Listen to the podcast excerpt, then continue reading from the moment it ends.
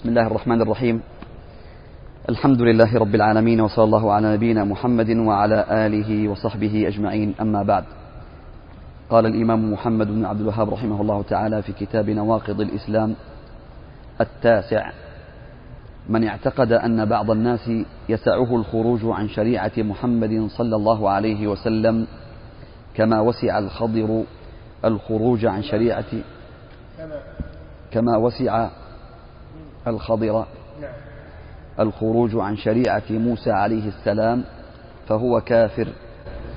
نعم بسم الله الرحمن الرحيم. الحمد لله رب العالمين. صلى الله وسلم على نبينا محمد وعلى آله وأصحابه أجمعين.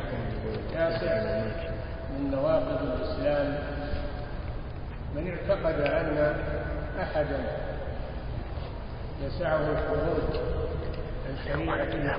صلى الله عليه وسلم وكما وسع الخبر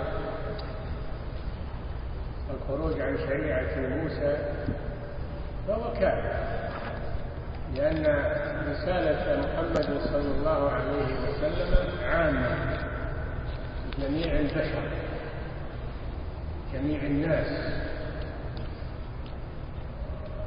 وما أرسلناك إلا كافة للناس بشيرا ونذيرا. قل يا أيها الناس إني رسول الله إليكم جميعا. الذي له ملك السماوات والأرض لا إله إلا هو يحيي ويميت فآمنوا بالله ورسوله. النبي الأمي الذي يؤمن بالله وكلماته واتبعوه لعلكم تهتدون. هذا إعلان من الله. أن محمد صلى الله عليه وسلم رسول إلى الناس كافة لا يخرج أحد عن طاعته. ومن خرج عن طاعته فهو كافر بخلاف الأنبياء السابقين عليهم الصلاة والسلام فإن الرسول النبي منهم يبعث إلى أمته خاصة فموسى عليه السلام وعيسى نبيان إلى بني إسرائيل. إلى بني إسرائيل. نوح عليه السلام بعث إلى قومه خاصة وهكذا بقية الأنبياء كلهم يبعثون إلى أمم خاصة كل ما كل ما انتهت رسالة نبي عاقبه نبي آخر. بعث الله نبيا آخر. ولهذا قال صلى الله عليه وسلم أعطيت خمسا لم يعطهن نبي قبل لم يعطهن نبي قبل وبعثت إلى الناس كافة. وكان النبي قبلي يبعث إلى قومه خاصة. حلت لي الغنائم ولم تحل لأحد قبل. كان قبل إذا حصلوا على غنائم تنزل نار من السماء يجمعونها تنزل نار من السماء وتحرقه أما هذه الأمة فباح الله لها الغنائم فكلوا مما غنمتم حلالا طيبا. يستعينون بأموال الكفار على نشر الإسلام على طاعة الله سبحانه وتعالى. حلت لي الغنم ونصرت بالرعب مسيرة شهر وجعلت لي الأرض مسجدا وطهورا. كان الأنبياء وأتباعهم السابق لا تصح صلاتهم إلا في كنائسهم وبيعهم. أما هذه الأمة فإن الله وسع لها جعلت لها الأرض مسجد صالحة للصلاة فيها. أي رجل أدركته الصلاة فليصلي.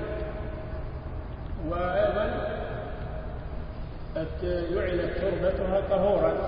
إذا لم يجد الماء فإنه يتيمم بالتراب خصائص هذه الأمة على يد هذا النبي الكريم صلى الله عليه وسلم. فمن قال إن هذه الأمة منهم ناس ما يحتاجون للرسول. ما يحتاجون للرسول. لأنهم يعرفون وصلوا إلى الله يسمون العارفين بالله. وصلوا إلى مرحلة ما يحتاجون إلى الرسل لأنهم وصلوا إلى الله. والرسل إنما هم العوام أما هؤلاء الخواص لا يحتاجون إلى الرسل كما عليه ولاة الصوفية. ولاة الصوفية يدعون هذا أن من العارفين من يصل إلى درجة لا يحتاج إلى الرسل وأنه تسقط عنه التكاليف. لا يكون في حقه حلال ولا حرام لأن التحليل والتحريم هذا إنما هو للعوام فقط. أما العارفون والخواص خاصة الخاصة كما يسمون الخاصة وخاصة الخاصة هؤلاء بلغوا مرحلة لا يحتاجون فيها إلى الشرع ولا إلى الرسل تعالى الله عن ذلك. هذا كفر صريح. هذا كفر صريح والعياذ ما أن أحد يخرج عن شريعة النبي صلى الله عليه وسلم. وإن احتج أحد منهم بأن الخمر الذي ذكر الله قصته في سورة الكهف أنه لم يكن على دين موسى عليه السلام. نقول نعم موسى رسالته خاصة بقومه والخضر ليس من قوم موسى. هذا نقول نعم نقول نعم الرسل كان النبي يبعث إلى قوم خاصة. وموسى بعث إلى قوم خاصة لا يدخل فيها الخبر. وأما هذا الرسول صلى الله عليه وسلم رسالته عامة. لكل الناس. يا أيها الناس ما أرسلناك إلا كافة للناس بشيرا ونذيرا. الذي يعتقد هذا أن أحدا يسعه الخروج عن شريعة محمد صلى الله عليه وسلم. إذا بلغ المعرفة المرتبة من المعرفة والعلم كما يقولون إنه وصل إلى الله وهم خاصة خاصة فلا يحتاج إلى شرع ولا يحتاج إلى رسول. هذا كفر صريح والعياذ بالله. يجب التنبه لهذا لأن هذه مشكلة قائمة الآن. لمن يدعي أنه ما يبلغ مرتبة ما هو بحاجة للرسل عنده معرفة وعنده عبادة وصلته إلى اليقين فلا. فله بحاجة إلى الرسل نسأل الله العافية. نعم. قال رحمه الله تعالى العاشر الإعراض عن دين الله تعالى لا يتعلمه ولا يعمل به. والدليل قوله تعالى ومن أظلم ممن ذكر بآيات ربه ثم أعرض عنها إنا من المجرمين منتقمون. ولا فرق ولا فرق في جميع هذه النواقض. العاشر وهو الأخير من النواقض العشرة هو أن من أعرض عن دين الله لا يتعلمه ولا يعلمه رغبة عنه فإنه يكفر. دليل قوله تعالى والذين كفروا عما أنذروا معرضون الذين كفروا سماهم كفارا. ومن أظلم ممن ذكر بآيات ربه ثم أعرض عنها. هذا أظلم الظالمين. لا أحد أظلم منه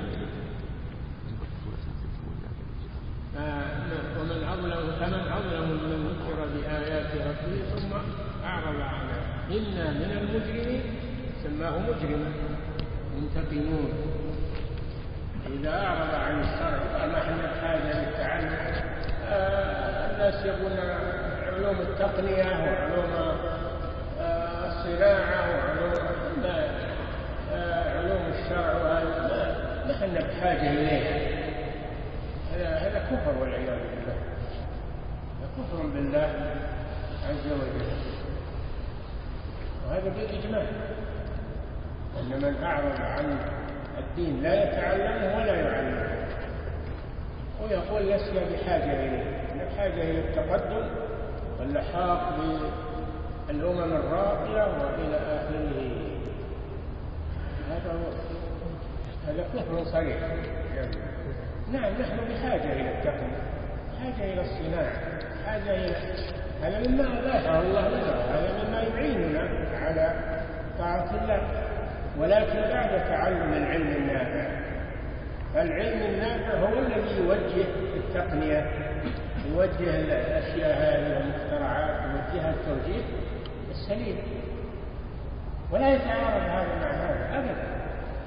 ما يتعارض تعلم الطب مع تعلم الدين ولا تعلم الصناعة مع تعلم الدين. ما يتعارض هذا مع هذا.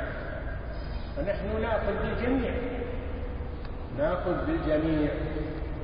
ولا نرفض علوم الشرع وناخذ علوم التقنية فقط. هذه خسارة ولا تنفعنا التقنية. إذا خسرنا ديننا لن تنفعنا التقنيات والاختراعات.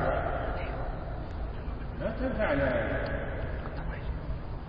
هذه مسألة مهمة جدا. من أعرف عن القرآن وعن السنة. يقول ما إحنا بحاجة إلى تعلم الكتاب والسنة وعلوم الشرع.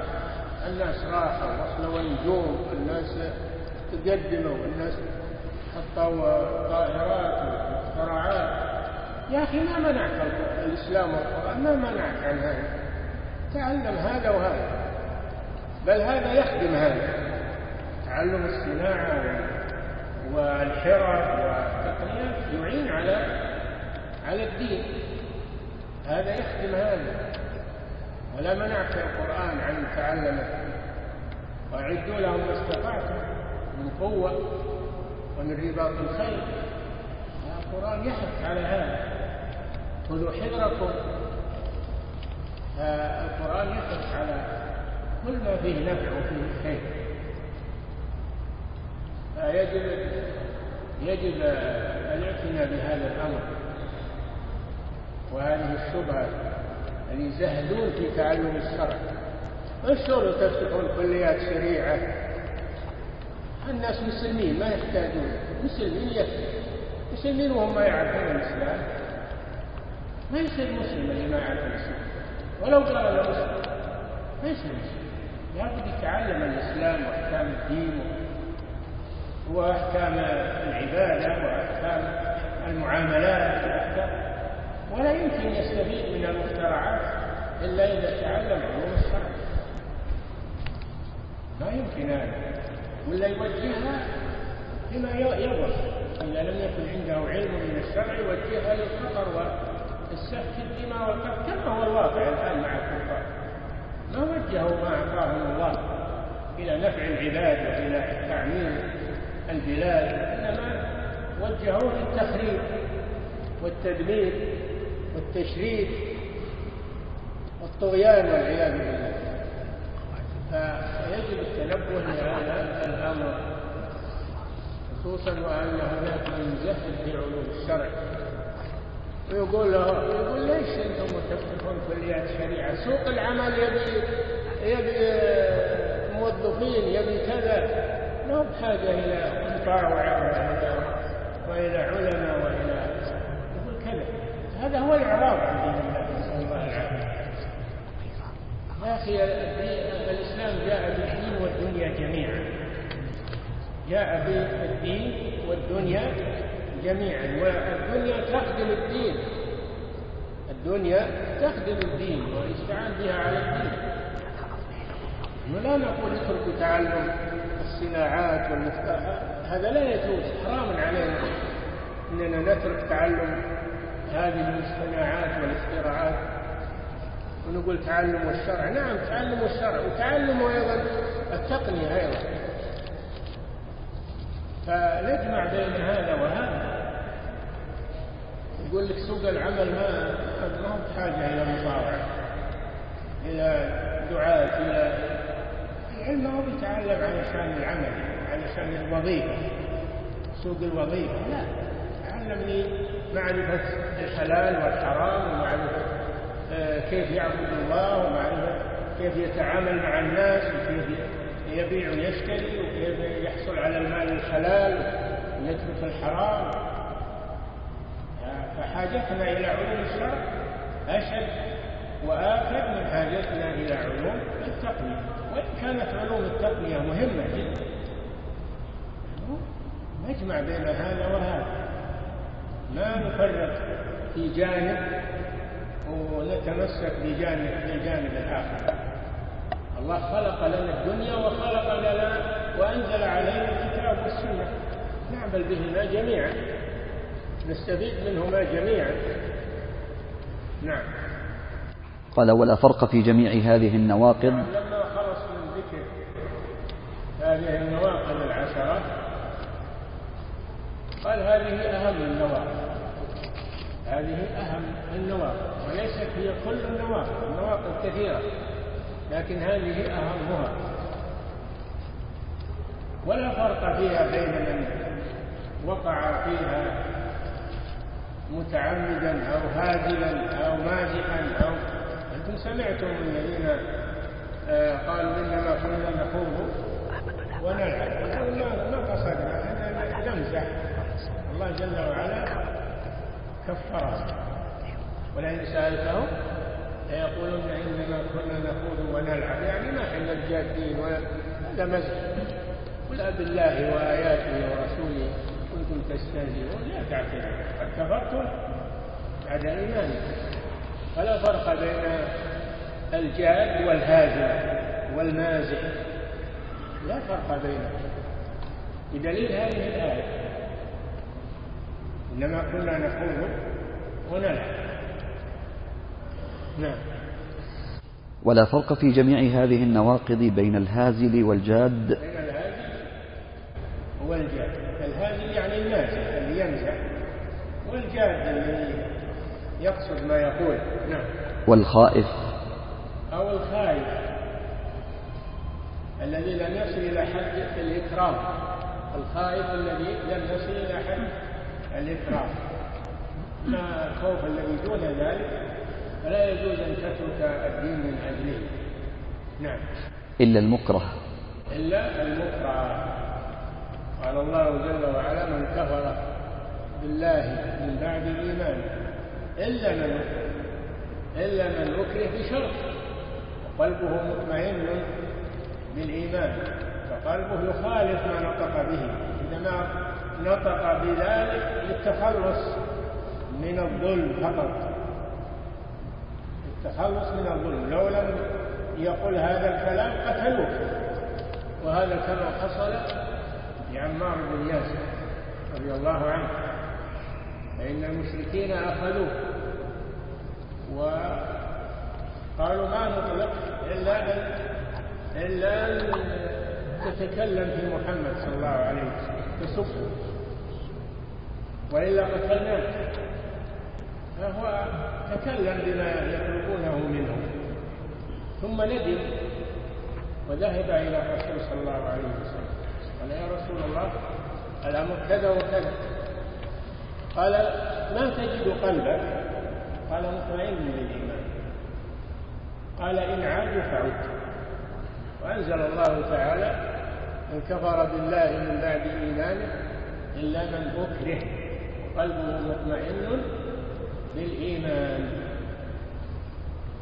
ولكن من شرح بالكفر صدرا فعليهم غضب من الله. لهم عذاب عظيم ذلك بأنهم استحبوا الحياة الدنيا على الآخرة وأن الله لا يهدي القوم الكافرين. نعم. إلا المكره. لم يستثني الله إلا المكره فقط. نعم. وكلها من أعظم ما يكون خطرا. وكل هذه العشرة من أعظم ما يكون خطرا. ولذلك اختارها الشيخ من بين سائر النواقض لأنها أعظم خطرا من غيرها. نعم. وأكثر ما يكون وقوعا. وكذلك هي أكثر ما يكون وقوعا بين الناس لأجل يحذر منها. نعم. فينبغي للمسلم أن يحذرها ويخاف منها على نفسه. ينبغي للمسلم يعني يجب ينبغي يعني يجب على المسلم أن يحذرها. ولن يحذرها إلا إذا تعلمها وعرفها. أن يحذرها لأنها خطيرة جدا. نعم. نعوذ بالله من موجبات غضبه وأليم عقابه. هذا دعاء من الشيخ رحمه الله واستعاذة بالله من غضبه وأليم عقابه لمن ارتد عن دين الإسلام. نعم. وصلى الله على خير خلقه محمد وعلى آله وصحبه وسلم. أحسن الله إليكم شيخنا وبارك الله فيكم. آه، تأتي مجموعة من الطلبات. بأن يدعو الشيخ لهم بالحصول على وظيفة أو زوجة أو زوج. هل نعرض مثل هذه الأسئلة؟ تأتي كثير من الطلبات أن نقرأ السؤال يقول فيه السائل أرجو يا شيخنا أن تدعو لي بالزوجة الصالحة أو الزوج الصالح أو الوظيفة. نقرأ هذه الأسئلة. يا أخي أنت ادعو الله أنت ادعو الله لنفسك لا تعتمد على دعاء غيرك ادعو الله. الله قال ربكم ادعوني أستجب لكم. وبابه مفتوح الليل والنهار. أرفع يديك وادعو الله بحاجتك. نعم. أحسن الله إليكم. وهذا سائل يقول رجل جاء للعمرة فطاف بالبيت ثم ذهب بعد ذلك جهلا منه ولم يأتي بالسعي. ماذا عليه؟ علما. رجل. رجل جاء للعمرة طاف بالبيت ثم ذهب بعدها جهلا منه ولم يأتي بالسعي. ماذا عليه علما بأنه قد تحلل من إحرامه وأتى أهله؟ هذا يجب عليه إكمال العمرة يجب عليه أن يرجع وأن يكمل العمرة ويسعى ويقصر من رأسه أو يحلق ثم يتحلل من إحرامه. وإلا فهو باق على إحرامه. هو باق على إحرامه حتى يكمل العمرة قال الله جل وعلا وأتموا الحج والعمرة لله.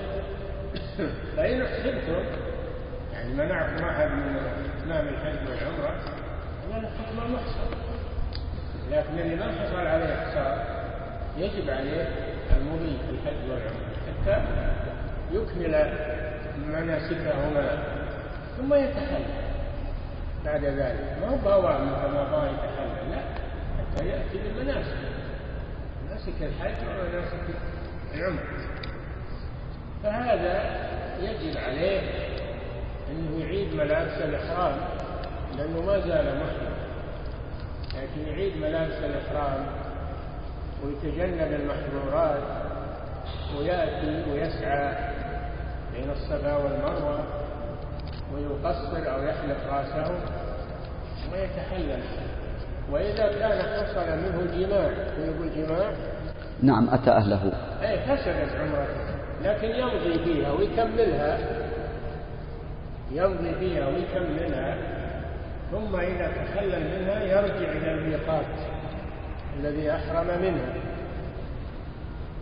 في الأول ويحرم منه بعمرة جديدة. قضاء للعمرة الفاسدة. ثم يأتي بالعمرة الثانية. قضاء للعمرة الفاسدة. ثم يذبح فدية. يذبح فدية في مكة. يوزعها على فقراء الحرم. لابد من هذا.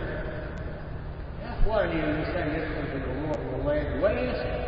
ما يسأل أهل العلم. هذه مصيبة. نعم. أحسن الله إليكم. هذا السائل يقول إذا دخلت مكة وأنا محرم ووجدت درسا لأحد العلماء في الحرم وجلست للدرس حتى انتهى ثم بعد ذلك شرعت في أداء العمرة فهل هذا العمل جائز؟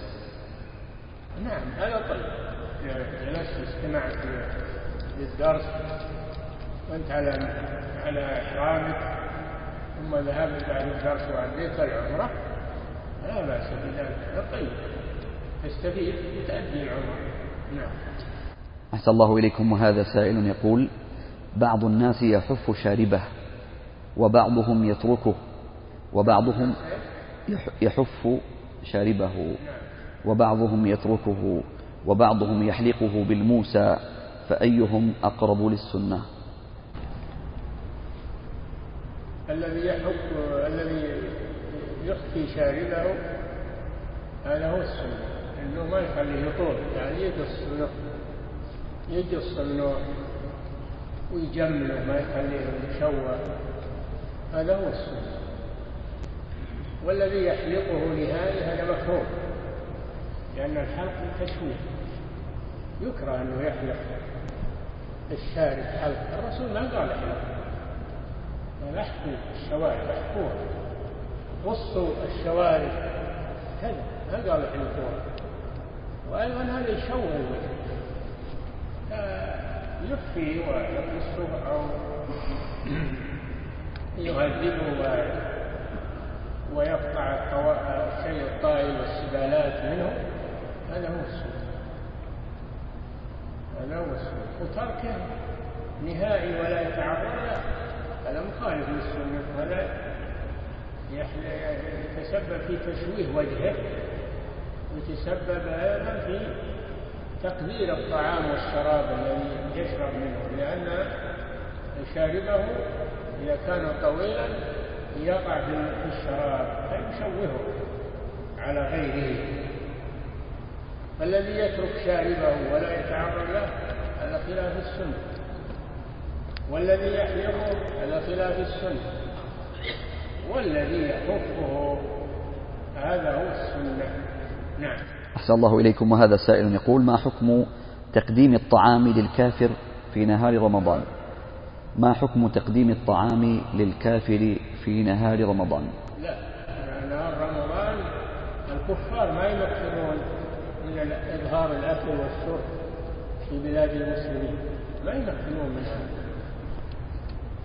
وتغلق المطاعم في بلاد المسلمين تغلق المطاعم. ولا تظل تظاهر بانتهاك شهر رمضان. إذا كان للمسلمين عليها سلطة يغلقون واللي يبي ياكل من الكفار ياكل في بيته ما يتظاهر في بلاد الإسلام الأكل والشرب في نهار رمضان. نعم. أحسن الله إليكم. هذا السائل يقول ما هي شروط وضوابط هجر المبتدع إذا كان صح أنه مبتدع. لأن بعض الناس يبدع. الناس أو يكفرهم. وهو المخطئ في هذا. لأنه ما يفهم البدعة ولا يفهم الأشياء التي تكفر. هذا يجب عليه أن يسكت حتى يتعلم ويعرف ما هي البدعة ويعرف ما هو ما هي الردة وما هو الشرك. تعلم. أما يحكم على الناس هذا خطأ ثانيا البدعة تختلف يعني بدعة إذا كانت مكفرة تقتضي الردة كدعاء غير الله والذبح لغير الله فهذا يجب هجر إذا لم يقدر يجب هجره. لا تجد قوما يؤمنون بالله واليوم الآخر يوادون من حاد الله ورسوله ولو كانوا آباءهم أو أبناءهم أو إخوانهم أو عشيرتهم. أولئك كتب في قلوبهم الإيمان. ما كان أقرب الناس إذا كانت بدعته مكفرة. أما إذا كانت بدعته دون الكفر هذا مسلم. إذا كانت بدعته دون الكفر فهذا مسلم مبتدع. إن كان في هجره ردع له فيتوب فيهدى أما إذا كان هجره يزيده شرا فإنه لا يهجر ولكن يناصح يناصح ويبين له ويقرر عليه لعله يتوب. نعم.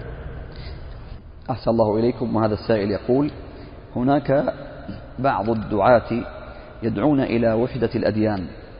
فهل يعتبر هذا تصحيح تصحيحا لمذهب الكفار؟ نعم.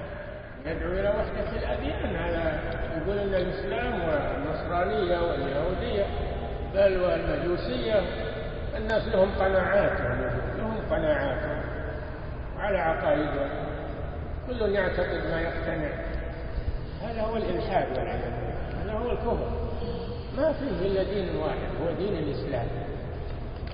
نعم الإسلام يتعامل مع الآخرين يتعامل مع اليهود مع النصارى مع الكفار بموجب العهد والصلح والأشياء الشرعية. لا نعم لا بأس. أما يقال إنهم سوا ولا حرج على الإنسان أنه يكون مسلم ولا نصراني ولا يهودي هذا نسأل الله العافية. هذا كفر وإلحاد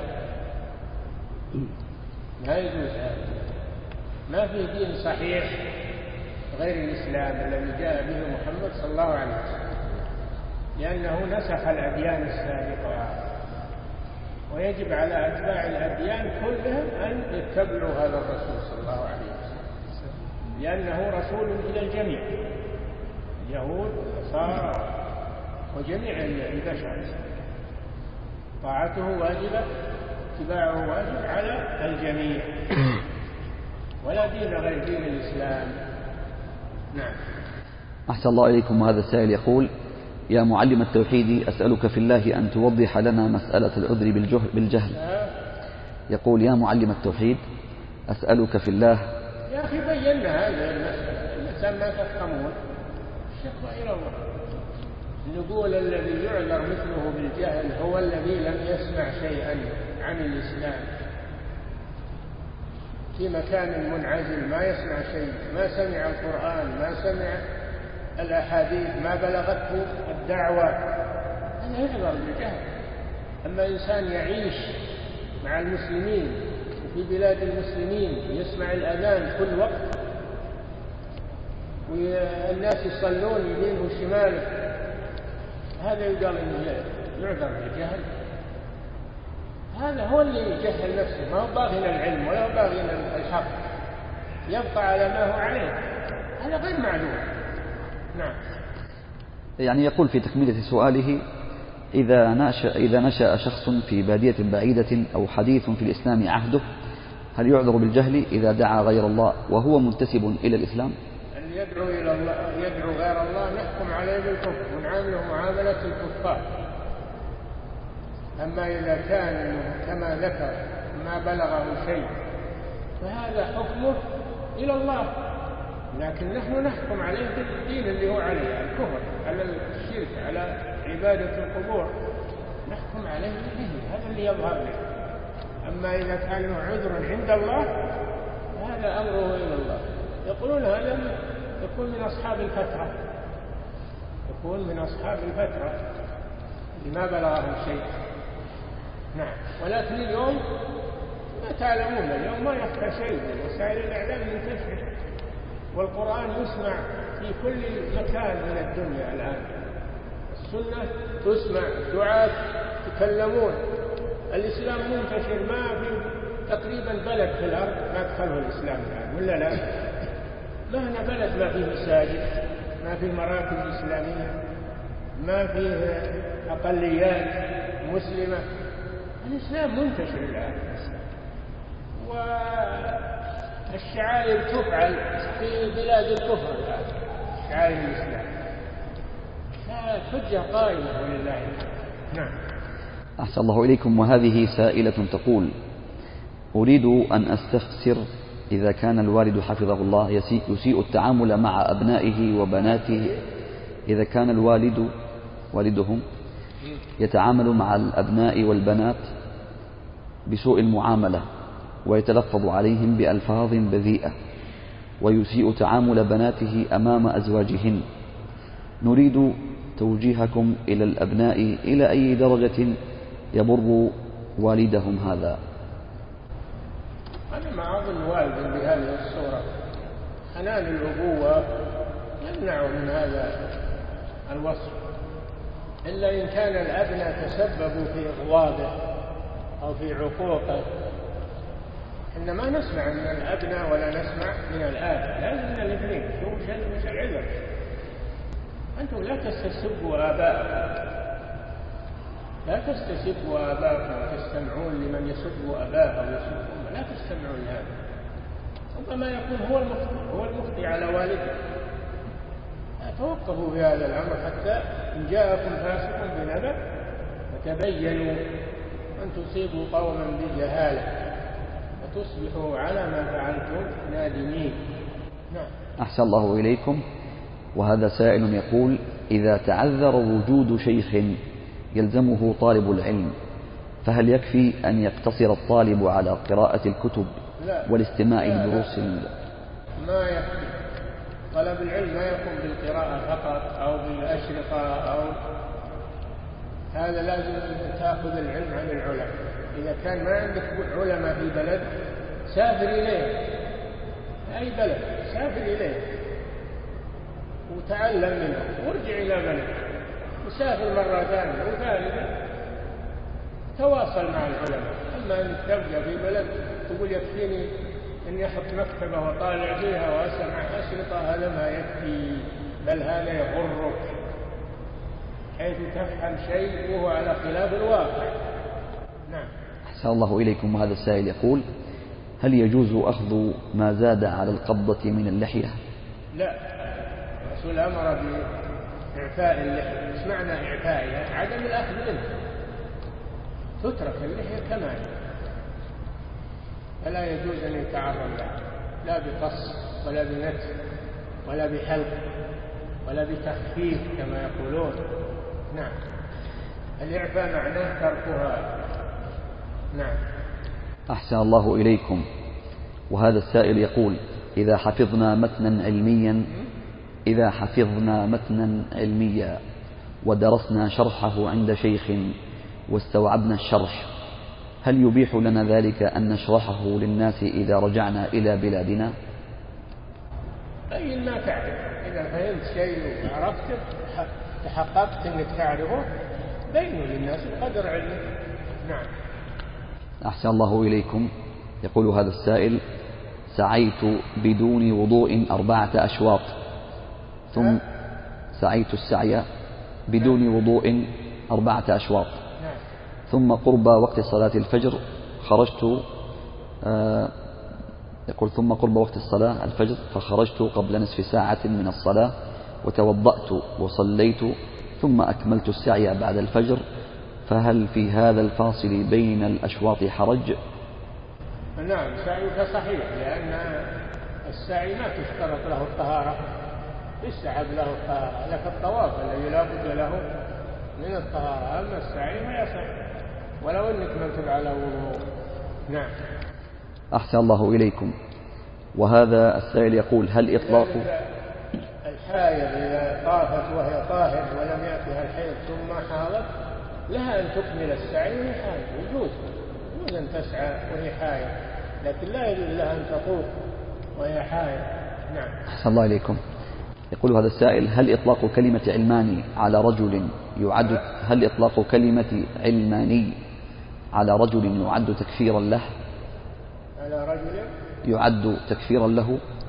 هل إطلاق كلمة علماني على رجل ما يعد تكفيرا له؟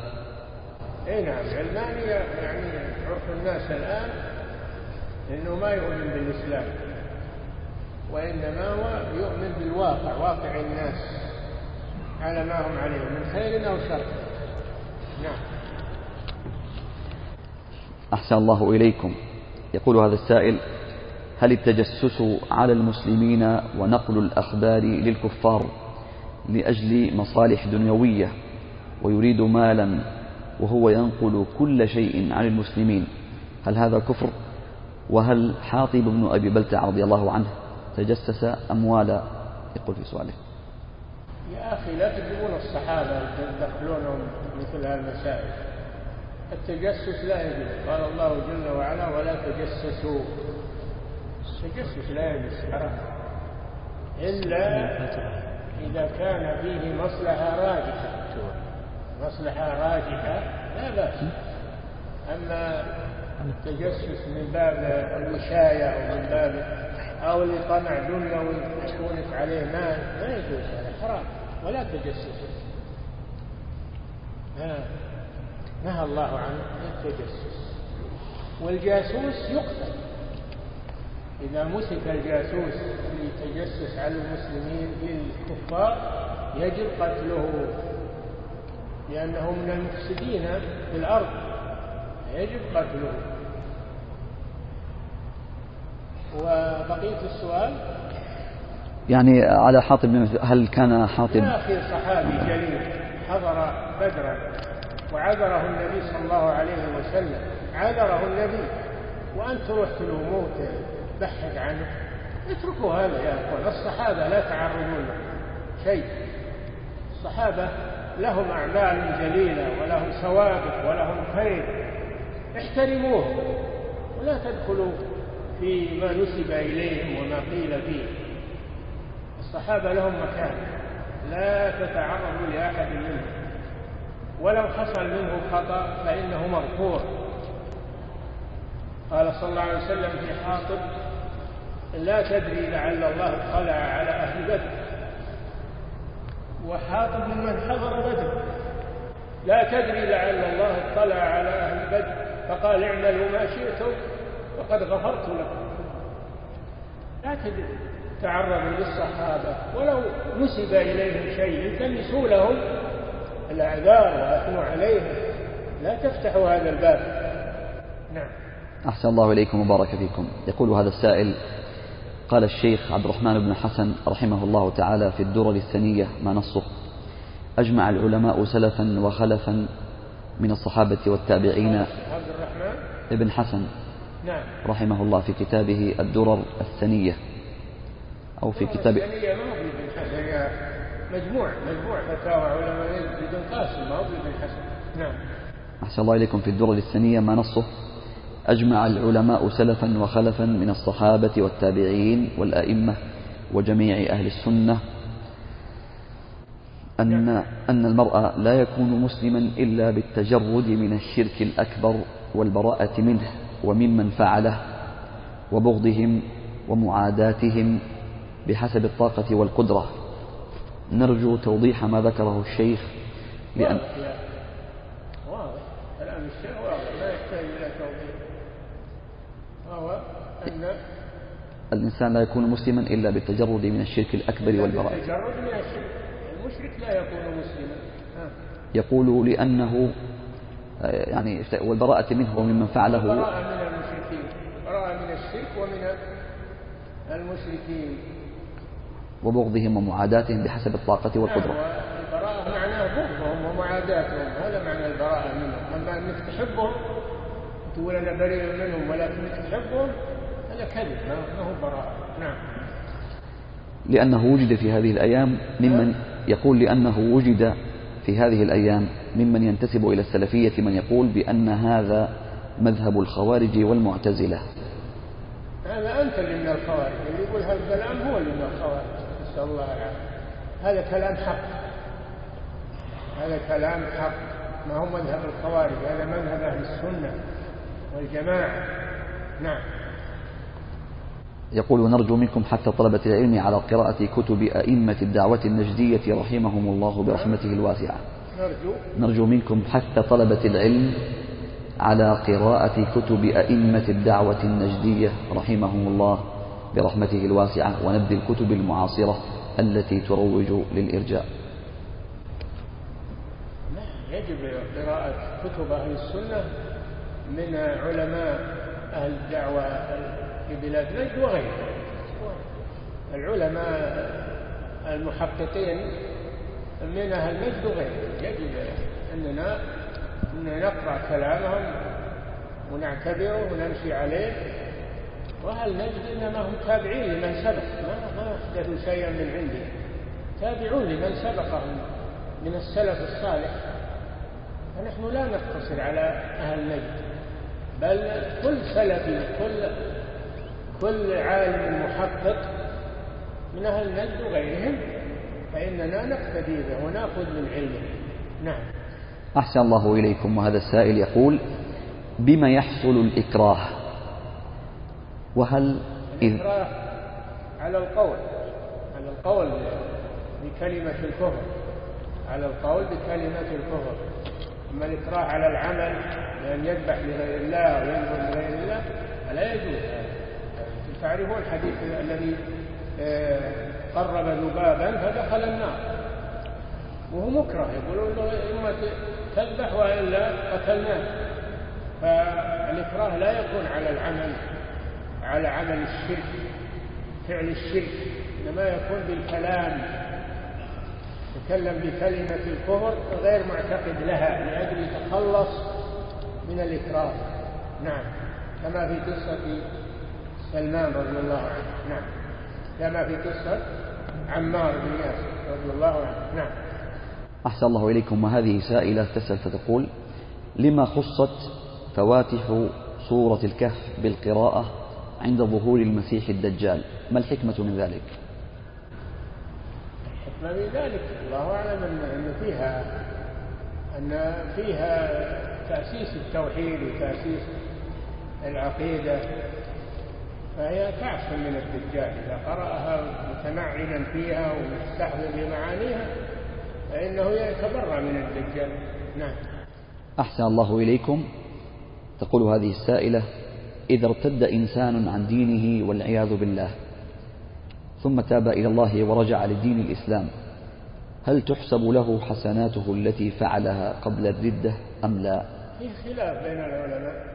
أن ترجع إليه إذا تاب إلى الله ترجع إليه أعماله. ومن العلماء من يقول لا تبطل أعماله ولكن يستأنف من جديد. يستأنف الأعمال من جديد. والشيخ ابن باز رحمه الله يرجح القول الأول أنها ترجع إليه أعماله إذا تاب إلى الله عز وجل. نعم. أحسن الله عليكم. يقول هذا السائل هل إذا أرغم الشخص على الكفر بتهديده بالاعتداء على محارمه كما يفعل في بعض الدول يكون بتهديده؟ إيه، هل إيش؟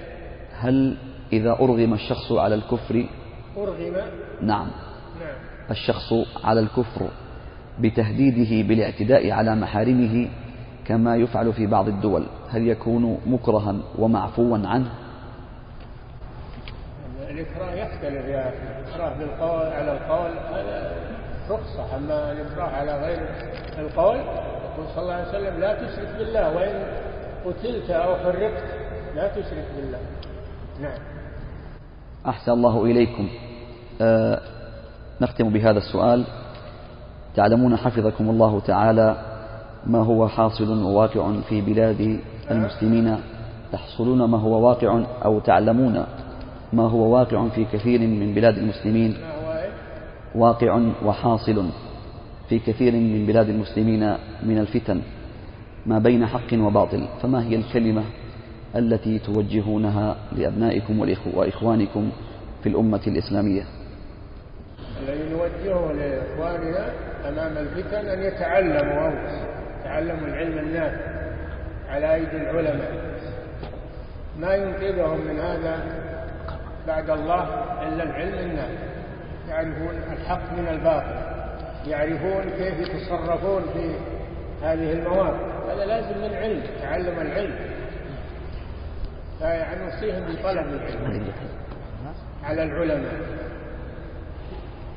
نوصيهم بذلك عدم التساهل في هذا الأمر.